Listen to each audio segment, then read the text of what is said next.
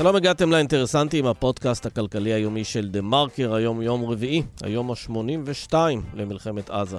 באולפן, סמי פרץ ואיתן אבריאל, שלום איתן. שלום סמי. מספרים uh, נערמים, 82, כן. איך אומרים באנגלית? and counting? and counting, כן. Uh, תשמע, אז ממש בעניין הזה, שר הביטחון יואב גלנט אמר אתמול שאנחנו מתמודדים עם שבע זירות לחימה, ועד כה צה"ל פעל בשש מהן. אז נראה לי שבהחלט אפשר לקרוא למה שאנחנו חווים מלחמה רב-זירתית. כרגע עם זירה קשה מאוד בעזה וזירה מדאיגה מאוד בלבנון, ששתיהן נמצאות בלב העשייה הביטחונית. וגם מעגל רחוק יותר בסוריה, בה חוסל השבוע בכיר במשמרות המהפכה האיראנים. אז ריבוי הזירות והמלחמה שמתארכת בעזה אה, מחייבים גם אה, לחשוב על היום שאחרי. אבל משום מה, ראש הממשלה בנימין נתניהו נמנע מכך בעקשנות. אנחנו נדבר עם אה, עמוס הראל, הפרשן הצבאי של הארץ, שיסביר את המשמעות. כן, לאן, לאן הולכים לכל הרוחות? כן. אם אנחנו יכולים לבחור, אבל גם בתנאים האלה, לאן הולכים? אז מול הזירה הגלויה והכואבת והמדממת הזו, יש גם זירה חשאית יותר, שהיא מתנהלת בעולם הסייבר. מסתבר שקבוצות סייבר אנונימיות משביתות מתקנים אסטרטגיים, חושפות מידע סודי, מדליפות סרטונים ומביכות את האייתולות באיראן, שלא נשארת חייבת ומנסה לעשות דברים כאלה גם למדינות אחרות, אה, בעיקר מדינות מערבות, כולל ישראל. עומר בן יעקב, התחקירן שלנו אה, בהארץ, יספר לנו על המלחמה הקיברנטית, הסייברנטית, שמתנהלת באחת מאותן שבע זירות שגלנט דיבר עליהן. אה, אתה יודע, אתה זוכר את ההפיכה המשטרית? זוכר. או הרפורמה לא, המשפטית? זוכר. היא נמשכת בדרכים אחרות, בכל כן, מיני, כן, למשל כן. בתקציב. נכון. אז תשמע, לכאורה המלחמה גנזה בשלב הזה את ההפיכה המשטרית, אבל בג"ץ עדיין צריך למסור את התשובות שלו על כמה שאלות שנוגעות לחוק הנבצרות, ביטול עילת הסבירות, יש כמה עתירות.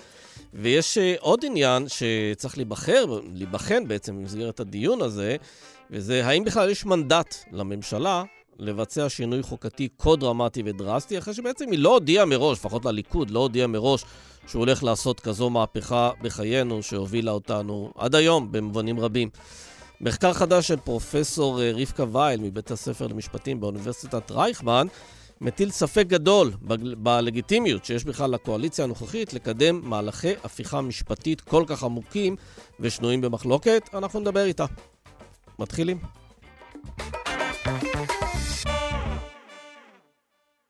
שלום לעמוס הראל. שלום איתן וסמי.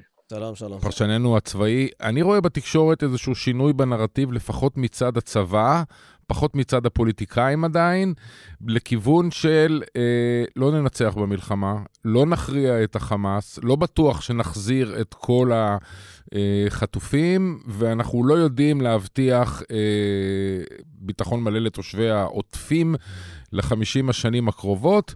אנחנו משתדלים ואנחנו ננסה דברים אחרים בחודשים הקרובים. אתה גם רואה כזה דבר? תשמע, לפחות חלק מהדברים האלה, אולי לא בטון אה, פסקני כל כך, אבל אה, נכתבו בארץ כמעט מהשבוע הראשון, היה די ברור שהרף, הציפיות המשוגע שבונים פה מבחינת הציבור, בעיקר הדרג המדיני, אבל גם הדרג הצבאי נסחף אליו קצת בהתחלה, אה, הוא מופרך, הוא קשה להשגה, בטח בתוך מגבלת זמן של חודשים ספורים או שבועות ספורים, כפי שאנשים קיוו. זה לא ששת הימים, אתה לא מתמודד פה עם אוגדות מצריות בסיני ובעזה, ש... יורידו נעליים. נכנעות, בדיוק. אתה מתמודד עם ארגון שבנה שם מערך במשך משהו כמו 12 שנה, שכולו היה מצד אחד הכנה למתקפת פתע, ומצד שני היערכות למגננה, כשהמרכיב החדש שבה, בנוסף לסיפור של שטח צפוף הסתתרות מאחורי אוכלוסייה אזרחית, זה כמובן העיר התת-קרקעית שנבנתה מתחת לרצועה. זה סיפור מאוד מאוד מורכב. אני חושב שהצבא די מהר שינה פה את המטרה מהשמדת חמאס לפירוק היכולות הצבאיות והארגוניות שלו. אבל כן, בימים האחרונים אני שמח שזה מחלחל קצת אה, לא כי אני רוצה לדכא את uh, רוח הקרב של הציבור של הלוחמים, אבל אני חושב שכדאי להיות מציאותיים. אני שמח שזה מחלחל קצת גם לכלי תקשורת שלפני שבועיים שלושה ניהלו חגיגות באולפנים, כאילו uh, אוטוטו חמאס uh, מוכנע. כן, אבל אני רוצה בעניין הזה, עמוס, uh, לשאול אותך, uh, הרי היינו במצב שבו האירוע הזה קרה ב-7 באוקטובר, ובמשך נדמה לי כמעט שלושה שבועות היו בעיקר התקפות מהאוויר. היה הרבה מאוד זמן גם לתכנן את המתקפה הקרקעית וגם אולי לנסות להבין את המשמעויות שלה. לפני הכניסה לעזה, לפני התמרון, מה שנקרא, הגיע איזשהו גנרל או כמה גנרלים לקבינט המלחמה ואמר, אם אתם רוצים להשיג את ההישגים האלה ואלה המטרות שלכם, זה מה שזה ייקח, גם במונחים של זמן, גם במונחים של נפגעים. הרי עושים דברים כאלה לפעמים לפני מלחמות, לא? תראה, באופן עקרוני הם לא דיברו על נפגעים. אני מזכיר לך את הסיפור המפורסם של 2014, צוק איתן, גם שם היה ויכוח האם להכניע את חמאס ולכבוש את הרצועה. אה, בנט אז דחף לזה ונתניהו התנגד, ואז באורח פלא איפשהו בסביבה של נתניהו כנראה הדליפו מצגת צבאית שחזתה 500 הרוגים לצה"ל אם נכבוש את הרצועה. ואז כמובן היכולות היו הרבה יותר מוגבלות, היכולות של חמאס. הפעם הם לא דיברו על מספרי אבדות, אני חושב שמספרי אבדות עד עכשיו אה, קטנים ממה שהם אה, שיערו לעצמם, הם כן אמרו שזה תהליך ארוך ושאם רוצים להיכנס לרצועה ובאמת לטהר, אז זה עניין של חודשים ארוכים. אני שמעתי את זה באין ספור שיחות בפיקוד דרום וגם במטכ"ל, אה, כבר בשלב מוקדם, כלומר לפני הכניסה לתמרון הקרקעי, לפני סוף אוקטובר.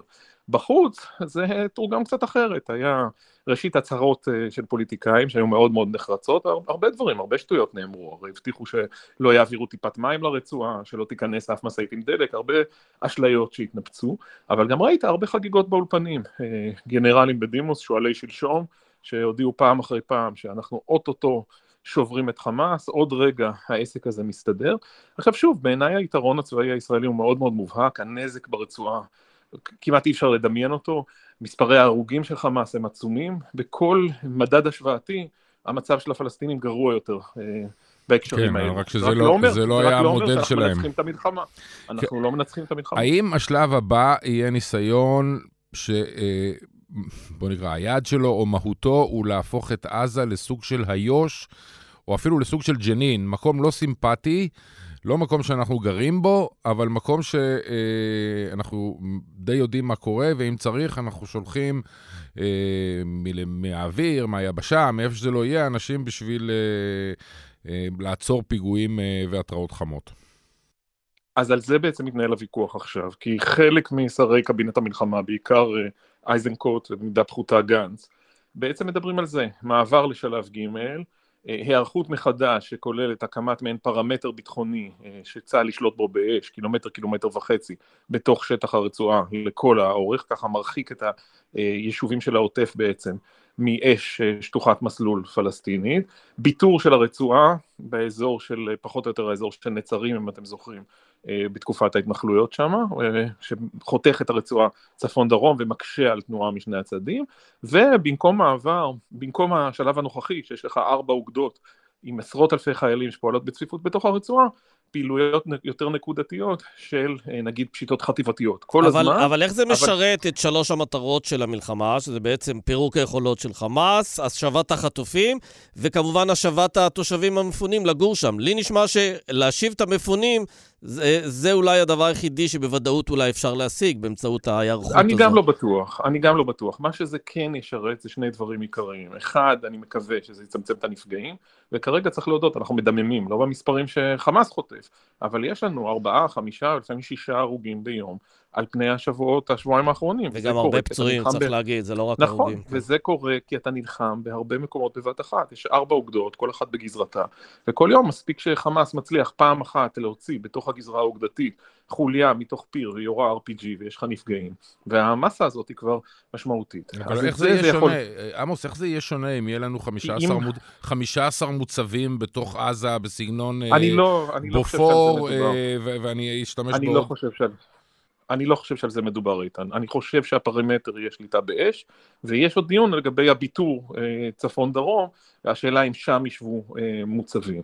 המחשבה היא שיש לך פחות שטח פנים ופחות נפגעים מצד אחד, והסיפור השני הוא המילואים כמובן, מה שמעסיק אתכם גם, העומס על הכלכלה, כן. על המשק, אתה לא תחזיק כל כך הרבה כרגע אני חושב שאנחנו נעים סביב ה-200 אלף אנשי מילואים שעדיין פעילים, אלה מספרים עצומים. זה לא פותר את הבעיות הבסיסיות, כמו שסמי העיר, והמחשבה שבהכרח עם פחות כוח תשיג לאורך זמן תוצאה יותר טובה מאשר עם יותר כוח, זה גם משהו ש...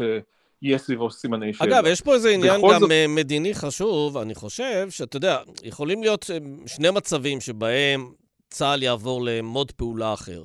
אחד, שארצות הברית תכתיב לנו את זה, והשני, שאנחנו נבוא ונקבע את זה. והשאלה, אם ארצות הברית מכתיבה לנו, אם זה לא איזה איתות לסינואר, שבעצם מי שמנהל את האירוע הזה זה, זה, זה ביידן ולא ישראל, ואז ישראל גם מפסידה אולי אפילו נקודות, במובן הזה שהיא לא מנהלת את האירוע. אז חלק מהסיפור מול ביידן זה באמת איזשהו ניסיון, גם של הנשיא, שבסך הכל מתחשב מאוד בישראל, לא להיראות כמי שכופה את זה עלינו. כתבנו השבוע, שבעצם הושגה איזה סוג של אה, עסקה בין אה, נתניהו וביידן, שנתניהו הבטיח את הכניסה של הסיוע ההומניטרי, בעצם זה גם עוזר לחמאס כמובן, כי הדלק הזה מסייע לו אה, לשמר את האוורור במנהרות, הרי חלק מהדלק וחלק מהמשלוחים נחטפים בידי חמאס, ומצד שני, ביידן לא לוחץ עלינו מיד לסיים, ואתם רואים, התאריכי יעד, הרי דובר עליהם תחילת דצמבר, חג המולד, זה ייסחב לפחות עד אמצע ינואר השינוי. אבל כאן צריך להכניס משתנה נוסף, והוא כמובן הסיפור של בנימין נתניהו. כי הרי כל הדברים האלה שאנחנו מדברים עליהם, קשורים בסוף גם במעשה מדיני. זאת אומרת, אתה לא יכול רק להפעיל כוח צבאי בלי שיש לך מטרה מדינית. וזה לא קורה, כי נתניהו, משיקוליו מסונדל בממשלה של בן גביר וסמוטריץ', אה, אה, ממצב את עצמו מחדש כמי שימנע דריסת רגל של הרשות הפלסטינית אה, בעזה, ואתה רואה שהוא גם כל הזמן מנסה לגזור גזירה שווה בין הרשות בגדה לבין החמאס בעזה, ובעצם נלחם מלחמת חורמה בכל רעיון של היום שאחרי. אז נכון ששלחו את השר דרמר לדבר עם האמריקאים, אבל בגדול נתניהו מסכל כל אפשרות של התקדמות מדינית. כן, אני בסוף... רוצה רגע להפנות אותך, אבל אה, עמוס, לאירוע נוסף שאתה כתבת עליו. אתה דיווחת על אה, אחת ההתפתחויות היותר משמעותיות במלחמה עד כה, בכלל משהו שקורה בסוריה, התנגשות באותו אה, בכיר במשמרות המהפכה האיראנים, רזי מוסאווי, מיוחסת לישראל, אנחנו לא יודעים להגיד בוודאות. למה זו התפתחות מהמשמעותיות ביותר של המלחמה? כי אנחנו כל הזמן בסכנה של חזית שנייה שיכולה להפוך לחזית ראשונה. הרי במשך כל השנים צה"ל התכונן לאפשרות של פלישה כזאת מצד חיזבאללה. וחיזבאללה הוא ארגון עם יכולות בהיקף של פי עשר וגם עם, אה, איכות אה, לוחמים וניסיון של לוחמים הרבה הרבה יותר אה, גבוהה מאשר מה שיש ברשות חמאס. הטרגדיה הגדולה היא שחמאס, שהוא האויב החלש שלנו, הצליח להנחית עלינו את האסון של השבעה באוקטובר.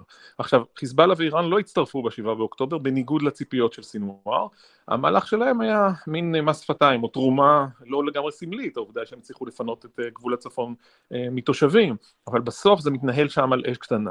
החלק האיראני בסיפור הוא כמובן העובדה שהם אה, מדרבנים את חיזבאללה אה, לפתוח באש מלבנון, אה, שולחים את החות'ים לשבש את התעבורה הימית העולמית דרך באב אל-מנדב לכיוון תעלת סואץ, ומתספקים כל הזמן מיליציות שיעיות שמסתובבות בעיראק וסוריה ומייצרות נזקים או מאיימות על ישראל.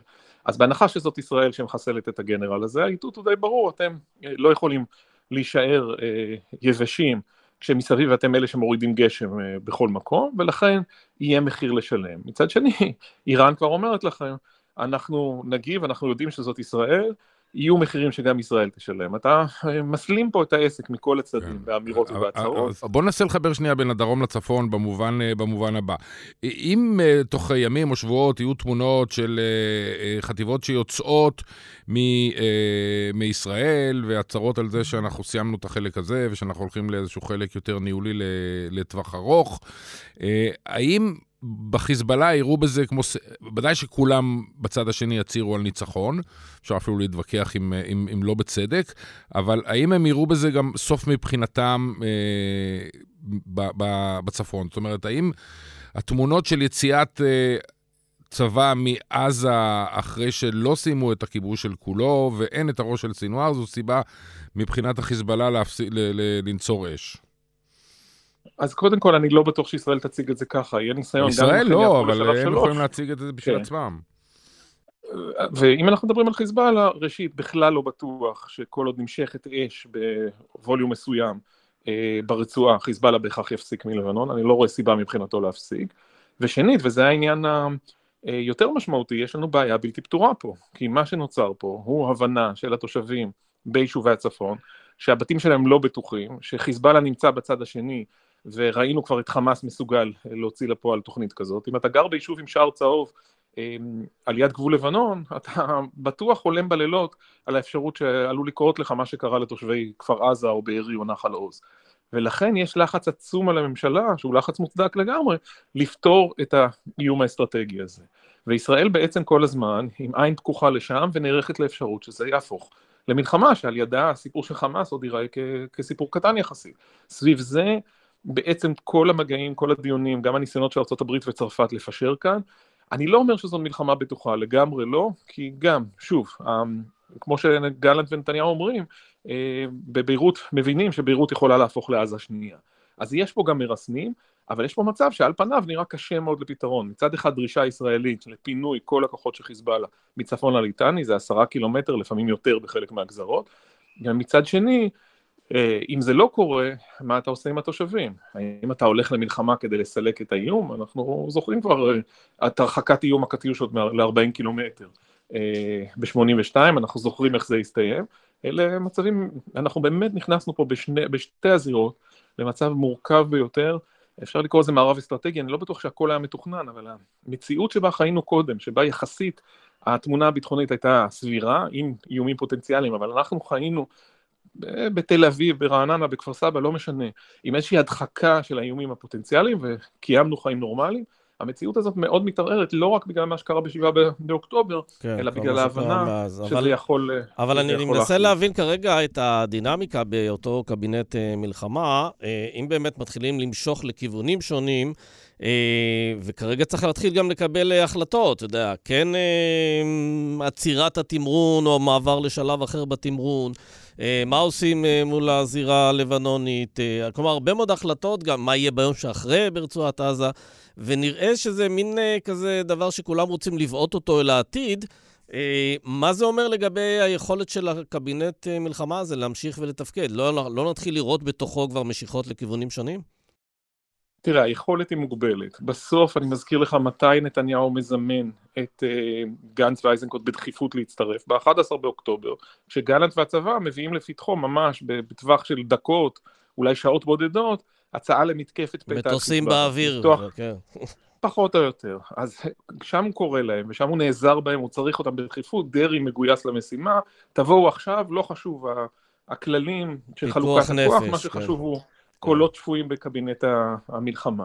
אז זה לכאורה עדיין תופס, אבל יש פה בעיה, כי נתניהו, כמו הקרב והצפרדע, ממשיך לעקוץ את אה, גנץ על בסיס יומי, ראה הסיפור החדש עם אה, נציבת שב"ס, וראה ההתקפות של הבן שלו, והמאבקי התקציב, וביזה את הכספים הקואליציוניים, ודברים אחרים. כמה זמן אייזנקוט וגנץ יכולים לשרוד ככה? אני חושב שאייזנקוט די נחוש להכתיב שינוי בפעולה הצבאית, אם זה לא יקרה, מאוד יכול להיות שבמשך אה, ינואר נראה איזשהו משבר, אבל לאורך זמן, שוב, אני חוזר לנקודה הבסיסית, נתניהו לא מסוגל להנהיג בנסיבות האלה, לאור המצב האישי שלו, לאור ההסתבכות המשפטית שלו, כיוון שהשיקולים שלו, אני לא רוצה לקרוא להם שיקולים זרים, אבל הם לא שיקולים נקיים בהקשר של ביטחון ישראל, היכולת שלו לנהל את המצב בסיטואציה הביטחונית הסופר מורכבת הזאת, היכולת הזאת מאוד מאוד נמוכה בעיניי. ובשורה התחתונה, אנחנו באמת באמת לא יודעים לאן זה, אה, לאן זה הולך, יש עץ של אפשרויות מאוד עם הרבה ענפים, ובעיקר אנחנו לא שולטים בתהליך, יש בו יותר מדי משתנים.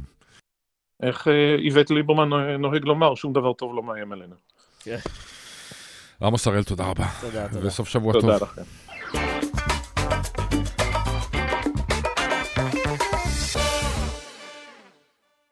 שלום לעומר בן יעקב.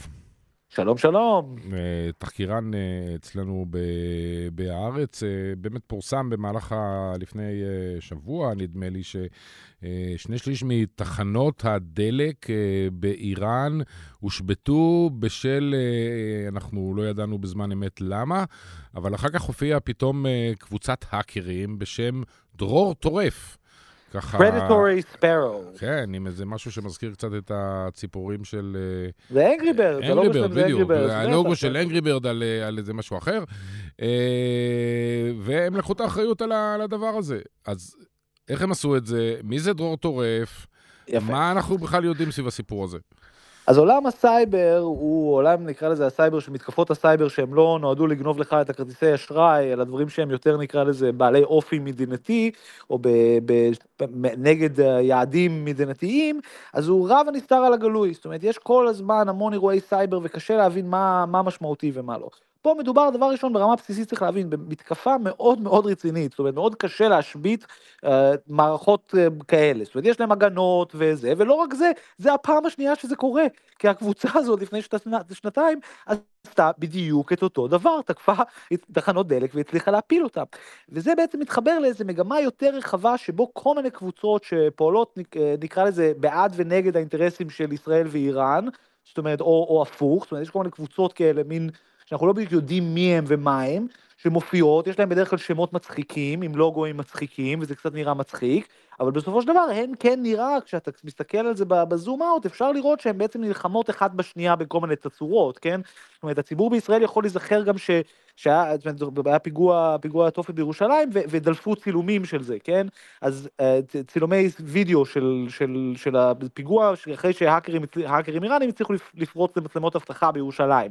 אז אנחנו כל הזמן כן. רואים מין מתקפות כאלה, אבל קשה לראות, לעשות zoom out ולראות את ה-back and forth הזה, כי זה כן, למרות שבכל פעם שאנחנו מדברים עם אנשי סייבר, אז uh, אומרים לנו שסייבר התקפי הוא לרוב מדינתי, אבל הרבה פעמים גם אנחנו רואים שזה בכלל נעשה תחת כל מיני שמות קוד כאלה ואחרות. השאלה, אם מדינה X תוקפת את מדינה Y באמצעות איזה חברה כזו שקוראים לה לצורך העניין, uh, מה זה, דרור טורף, וכאילו מטשטשת את הזה. המדינה הנתקפת לא יודעת במה מדובר? כלומר, זה לא מין משחק כזה שהגורמים הנוגעים בדבר יודעים כן בדיוק ולא, מי כן תוקף ולא. ולמה? כן ולא. עולם הסייבר, במובן הזה אהבתי מאוד שאמרת חברה, זה אפילו לא חברה, כן? כן. זאת אומרת, זה אפילו לא איזה front של של מדינה מסוימת. זה, זה ממש לא המקרה, כן? זאת אומרת, זה מין קבוצות האקרים של, ש, שבעצם כל העולם הסייברי נראה ככה, כן? עכשיו, כשאתה, נגיד, אם אתה נגיד בנק אוקראיני, כן? ופורצים לך את uh, האקרים רוסיים והם מרוקנים את הכסף, יש לזה גם מימד כלכלי, אבל גם מימד גיאופוליטי, כן? עכשיו, הם באמת, נגיד, האקרים מסוימים, אתה... הם, הם, לא, הם לא דרשו כופר או איזה משהו, לא היה להם שום דרישה, זאת אומרת, לא, אבל זה, זה בדיוק הפילו את התחנות ולא אמרו, אני לא יודע מה, אה, תשחררו לא, את... לא.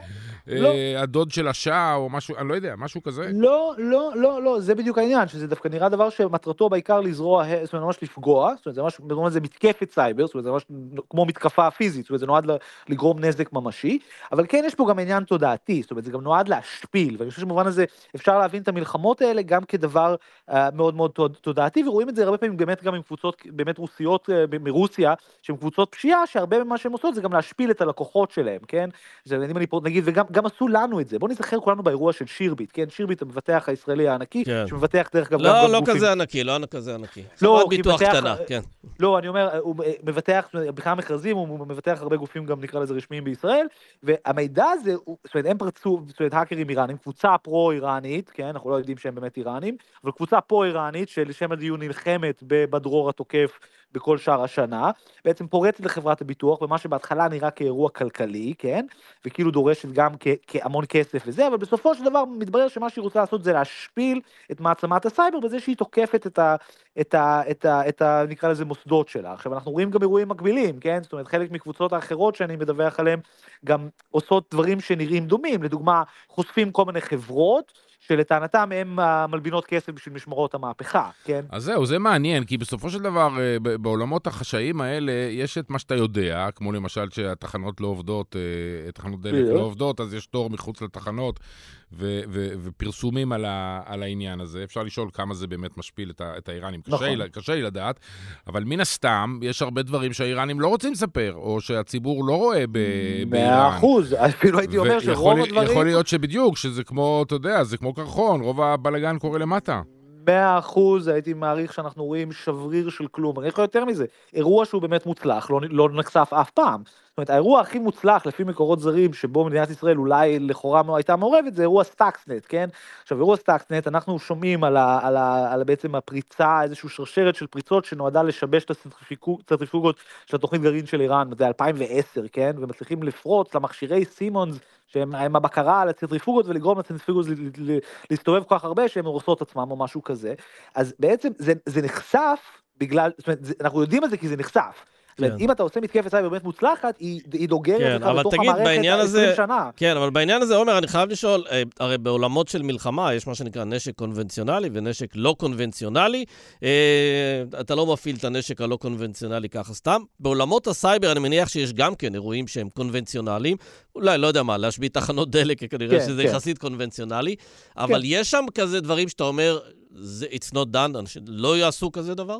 תראו, אני חושב שיש, אנחנו, זו שאלה מאוד מאוד מאוד חכמה. יש חזית חדשה של בתי חולים, מתקפות סייבר על בתי חולים, שבעיניי זה כן שם איזשהו, איזשהו גבול, כי זה, זאת אומרת, נניח שנייה בצד הדיון לגבי עזה ומה עושים בבתי חולים פיזית, פיזיים, נגיד במקומות כמו הרצועה, אבל ברמה העקרונית זה נראה לי יעד סייבר לא, לא לגיטימי, וכן מאז תחילת המלחמה, לפחות רשות הסייבר הישראלית אומרת, היו ניסיונות של האקרים פרו-איראנים, האקרים של חיזבאללה, לפגוע בבתי חולים. אז בואנה זה מאוד בעייתי.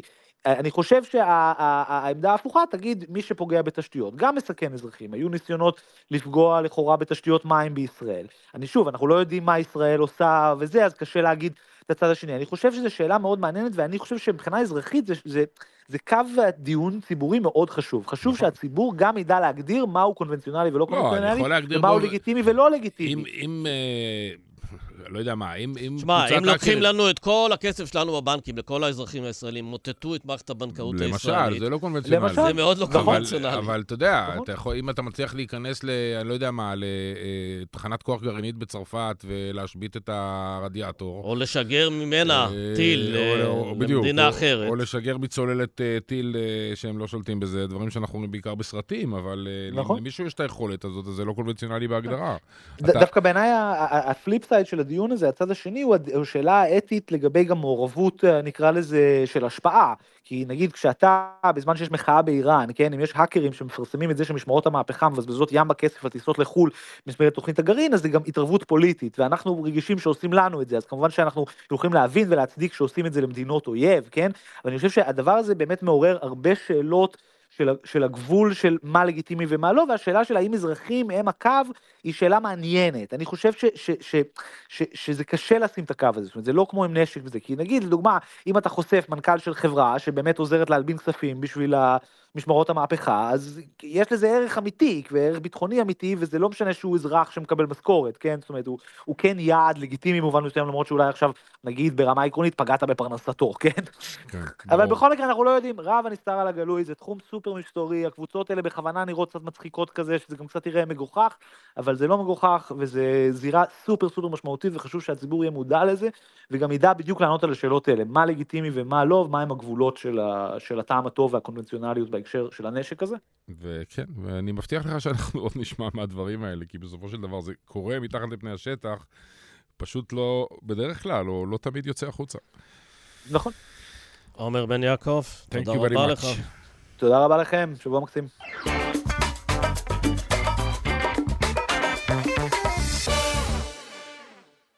שלום לפרופסור רבקה וייל. שלום רב, תודה על ההזדמנות להשתתף בפודקאסט שלכם. הכבוד הוא כולו שלנו, את מבית הספר למשפטים באוניברסיטת אה, רייכמן.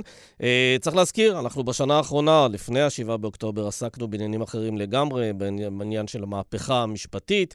אנחנו יודעים שיש עדיין שתי אה, החלטות של בג"ץ שעוד נכתבות בימים אלה על הנבצרות, על עילת הסבירות. ואנחנו אה, נדרשים אלייך, כי את אה, בעצם בדקת את השאלה, האם לממשלה הזו, הממשלה ה-37 של אה, מדינת ישראל, בכלל יש מנדט ספציפי לשינוי חוקתי כל כך דרמטי ודרסטי, ואת זה את עשית בכלל בעקב... באמצעות מחקר שבדק את תעמולת הבחירות של הליכוד בבחירות של 2022. ואת הגעת למסקנה שלא היה לה מנדט. אז תסבירי לנו מה בדקת ואיך הגעת למסקנה הזו. אמ, אז אמ, תודה על השאלה. אמ, למעשה אה, אנחנו צריכים להבדיל בין מנדט כללי, אה, מנדט שבחירות מעניקות לנבחרים שלנו, אה, והמנדט הזה מאפשר לנבחרים להתעסק בענייני יומיום בחקיקה רגילה. לעומת זאת מנדט ספציפי הוא בעצם אה, מנדט אה, שנותן הרשאה אה, לחוקק בנושא מסוים, כלומר שהבחירות שימשו מעין משאל עם על נושא מסוים, זה דבר שהרבה יותר קשה להסיק מקיומן של בחירות רגילות. כלומר בחירות רגילות בדרך כלל אנחנו מתעסקים בהרבה נושאים שעל סדר היום, בחירה של נציגים, בחירה של מפלגות, כל מיני נושאים שמתחרים את תשומת לב הבוחר וקשה מאוד להסיק מהבחירות קיומו של מנדט ספציפי. עכשיו כיוון שהממשלה הנוכחית בעצם טענה שהבחירות הקנו לה מנדט ספציפי לבצע את הרפורמה המשפטית ולא רק שהבחירות העניקו מנדט ספציפי אלא שבגלל זה גם אין לגיטימיות לביקורת שיפוטית על פעולות הממשלה אה, אז אני סוקרנתי בעצם לבוא ולבדוק האם הטענה הזו של הממשלה נכונה או לא.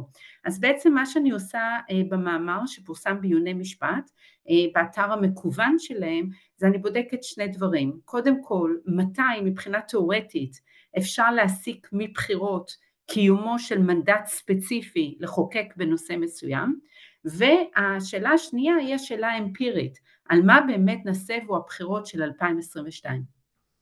אה, על מה הם נסבו באמת? על זה שנתניהו רוצה להמשיך לשלוט. ואגב, יש לו חברה בכירה בקואליציה שלו, שזה הציונות הדתית, שהיא דווקא כן הציגה איזה מין תוכנית, רפורמה, אה, לא יודע איך לקרוא לה, אבל ש... שראית לאן פניהם לפחות.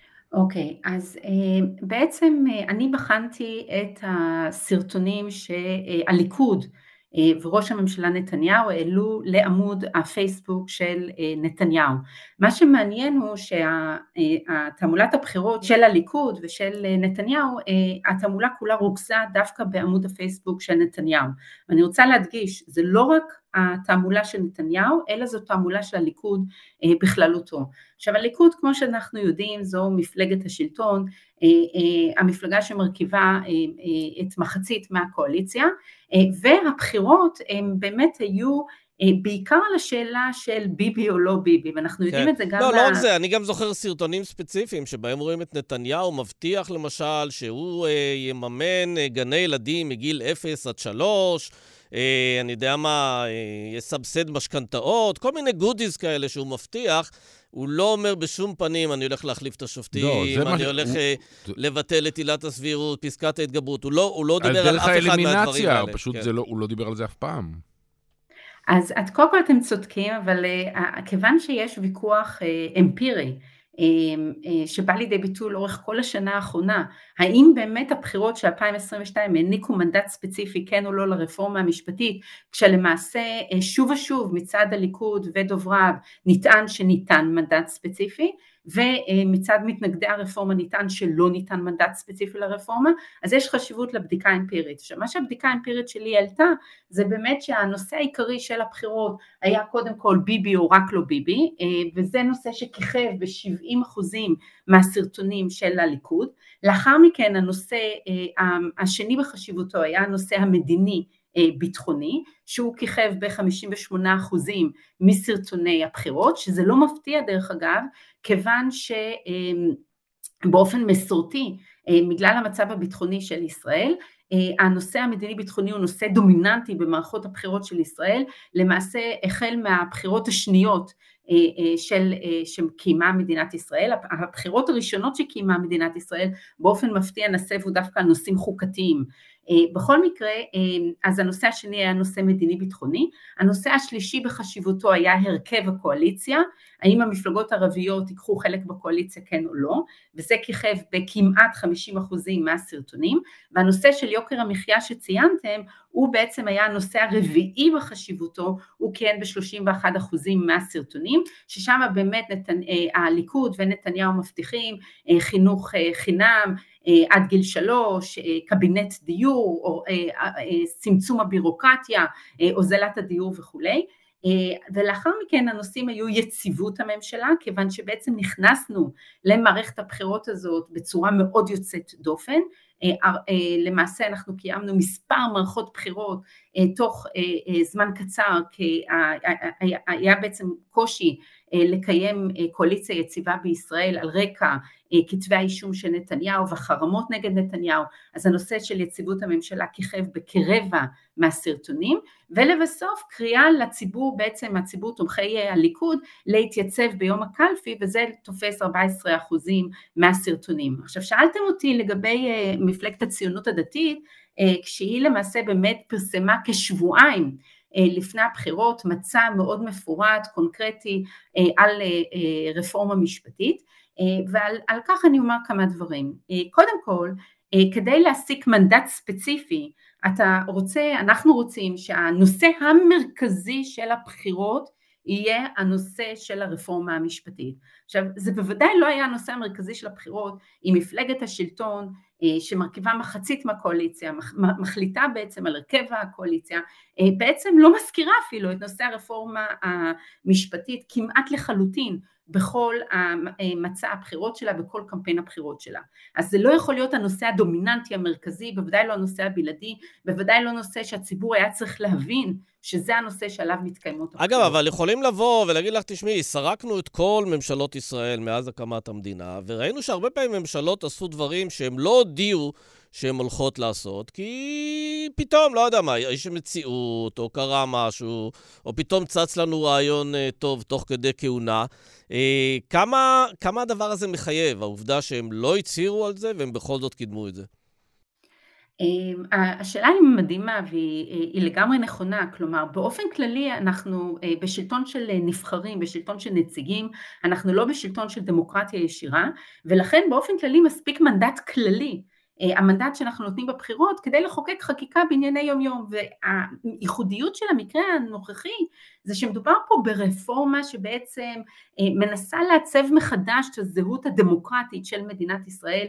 בעצם רפורמה שיש לה השלכות כבדות משקל על עצמאות אה, אה, המערכת המשפטית בישראל, על עצמאות הייעוץ המשפטי בישראל, על הפוליטיזציה של כלל מערכות השלטון, כולל אה, המשטרה, הצבא וכולי, השידור הציבורי וכולי, ואף פעם לא היינו בכזו התקפה חזיתית על כלל מערכות השלטון בישראל ועל האופי הדמוקרטי של המדינה. כן, אני רוצה רק לחזק את מה שאת אומרת, כי בקווי יסוד של הממשלה הזו אה, נכתב, שחור על גבי לבן, שהדבר הראשון שהיא תקדם והיא תיתן לו עדיפות וקדימות בחקיקה על פני כל דבר אחר, זו אותה רפורמה משפטית. כלומר, זה לא רק שהם היו מינורים באיך שהם הציגו את זה, נגיד יום לפני, במהלך הקמפיין, מאוד מינורים, ופשוט לא הציגו את זה. זה גם לא היה במצע שלהם. היה, אלא זה גם היה המנה העיקרית של הממשלה הזו, שגם העסיקה אותה בעצם עד ה-7 באוקטובר. אחרי הבחירות. נכון, אז בעצם אני חושבת שהשאלה האם היה כאן מנדט או לא מנדט ספציפי לרפורמה משפטית הוא קריטי, א' בגלל ההיקף והיות המחלוקת שנויה במחלוקת וההשלכות הדרמטיות שלה על אופי המשטר הדמוקרטי בישראל שעוד פעם מקום המדינה לא, לא חזינו כזו התקפה חזיתית על הדמוקרטיה בישראל. ומעבר לכך אני חושבת שכיוון שהממשלה השתמשה בטענת המנדט כדי לתקוף את עצם סמכותו של בית המשפט ועצם הלגיטימיות של בית המשפט לבחון את הרפורמה המשפטית אז יש משנה חשיבות להבנה רק רגע זה היה נושא המרכזי של הבחירות זה לא היה נושא המרכזי של הבחירות. והדבר האחרון הנושא סקרן אותי כיוון שעניין אותי להבין מהו בעצם, מיהו הציבור הישראלי בישראל כי אנחנו רואים בעצם תופעה של אה, אה, אה, ניסיון להגדיר מחדש את אופי המשטרים הדמוקרטיים לא רק בישראל אלא במקומות שונים בעולם. עכשיו לפעמים הציבורים, הציבורים במדינות השונות מוכנים לתמוך בכזו רפורמה או, או, או, או, או עומדים מאחורי מהלכים שכאלה. והשאלה היא האם הציבור בישראל גם כן בעצם חפץ, רצה בכזו רפורמה משפטית. ואני חושבת שזה חשוב להבין שהציבור הישראלי בעצם הלך לבחירות מתוך רצון באמת אה, ליציבות שלטונית, מתוך מחשבה שבאמת כנראה נתניהו היחידי שיכול אה, להרכיב ממשלה יציבה, אבל הציבור בשום פנים ואופן לא הבין את הבחירות, לפחות כך עולה מהמחקר שלי, כמנדט ספציפי אה, להגדיר מחדש את כן. האופי הדמוקרטי של מדינת ישראל. אני חושבת שזו בשורה חשובה לציבור הישראלי. בהחלט, לכן אנחנו מדברים, זה באמת נראה, נראה מעניין, בעיקר שזה אמפירי, זאת אומרת, הלכת ובדקת אה, לא רק סתם בתחושת בטן של רבים מהאנשים, אבל שבאמת לא דיברו על זה בליכוד, ולכן במובן הזה הטעו את הציבור ברגע שהביאו את זה כנושא המרכזי, שנייה אחרי שהם אה, נבחרו. אה, שתי שאלות. אחד, אה, האם המחקר שלך עשוי להשפיע במשהו על ההחלטות של בית משפט העליון סביב הנושאים שנמצאים uh, על הפרק, למשל בעילת הסבירות, שזה שינוי דרמטי?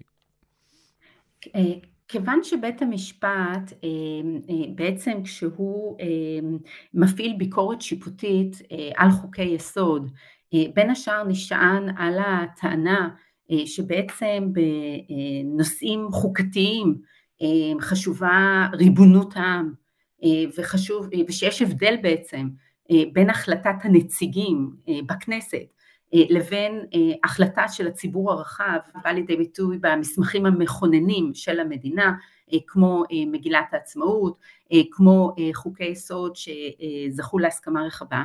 אז אני חושבת שבמובן הזה ההבנה שבעצם הרפורמה הספציפית הזאת לא נהנתה מהסכמה ציבורית רחבה. אי אפשר לבוא ולטעון, העם נתן את דעתו לסוגיה ונתן לגיטימציה למהלך הזה, אני חושבת שבמובן הזה יש לזה השלכה גם על הדיונים הנוכחיים של אה, סמכות בית המשפט להפעיל ביקורת שיפוטית על חוקי היסוד עצמם. טוב, יהיה מעניין לראות אם אה, בית המשפט לא יצטטו את המאמר כן, שלך, אני כבר רואה את זה, אבל אולי. אה, שאלה שנייה היא...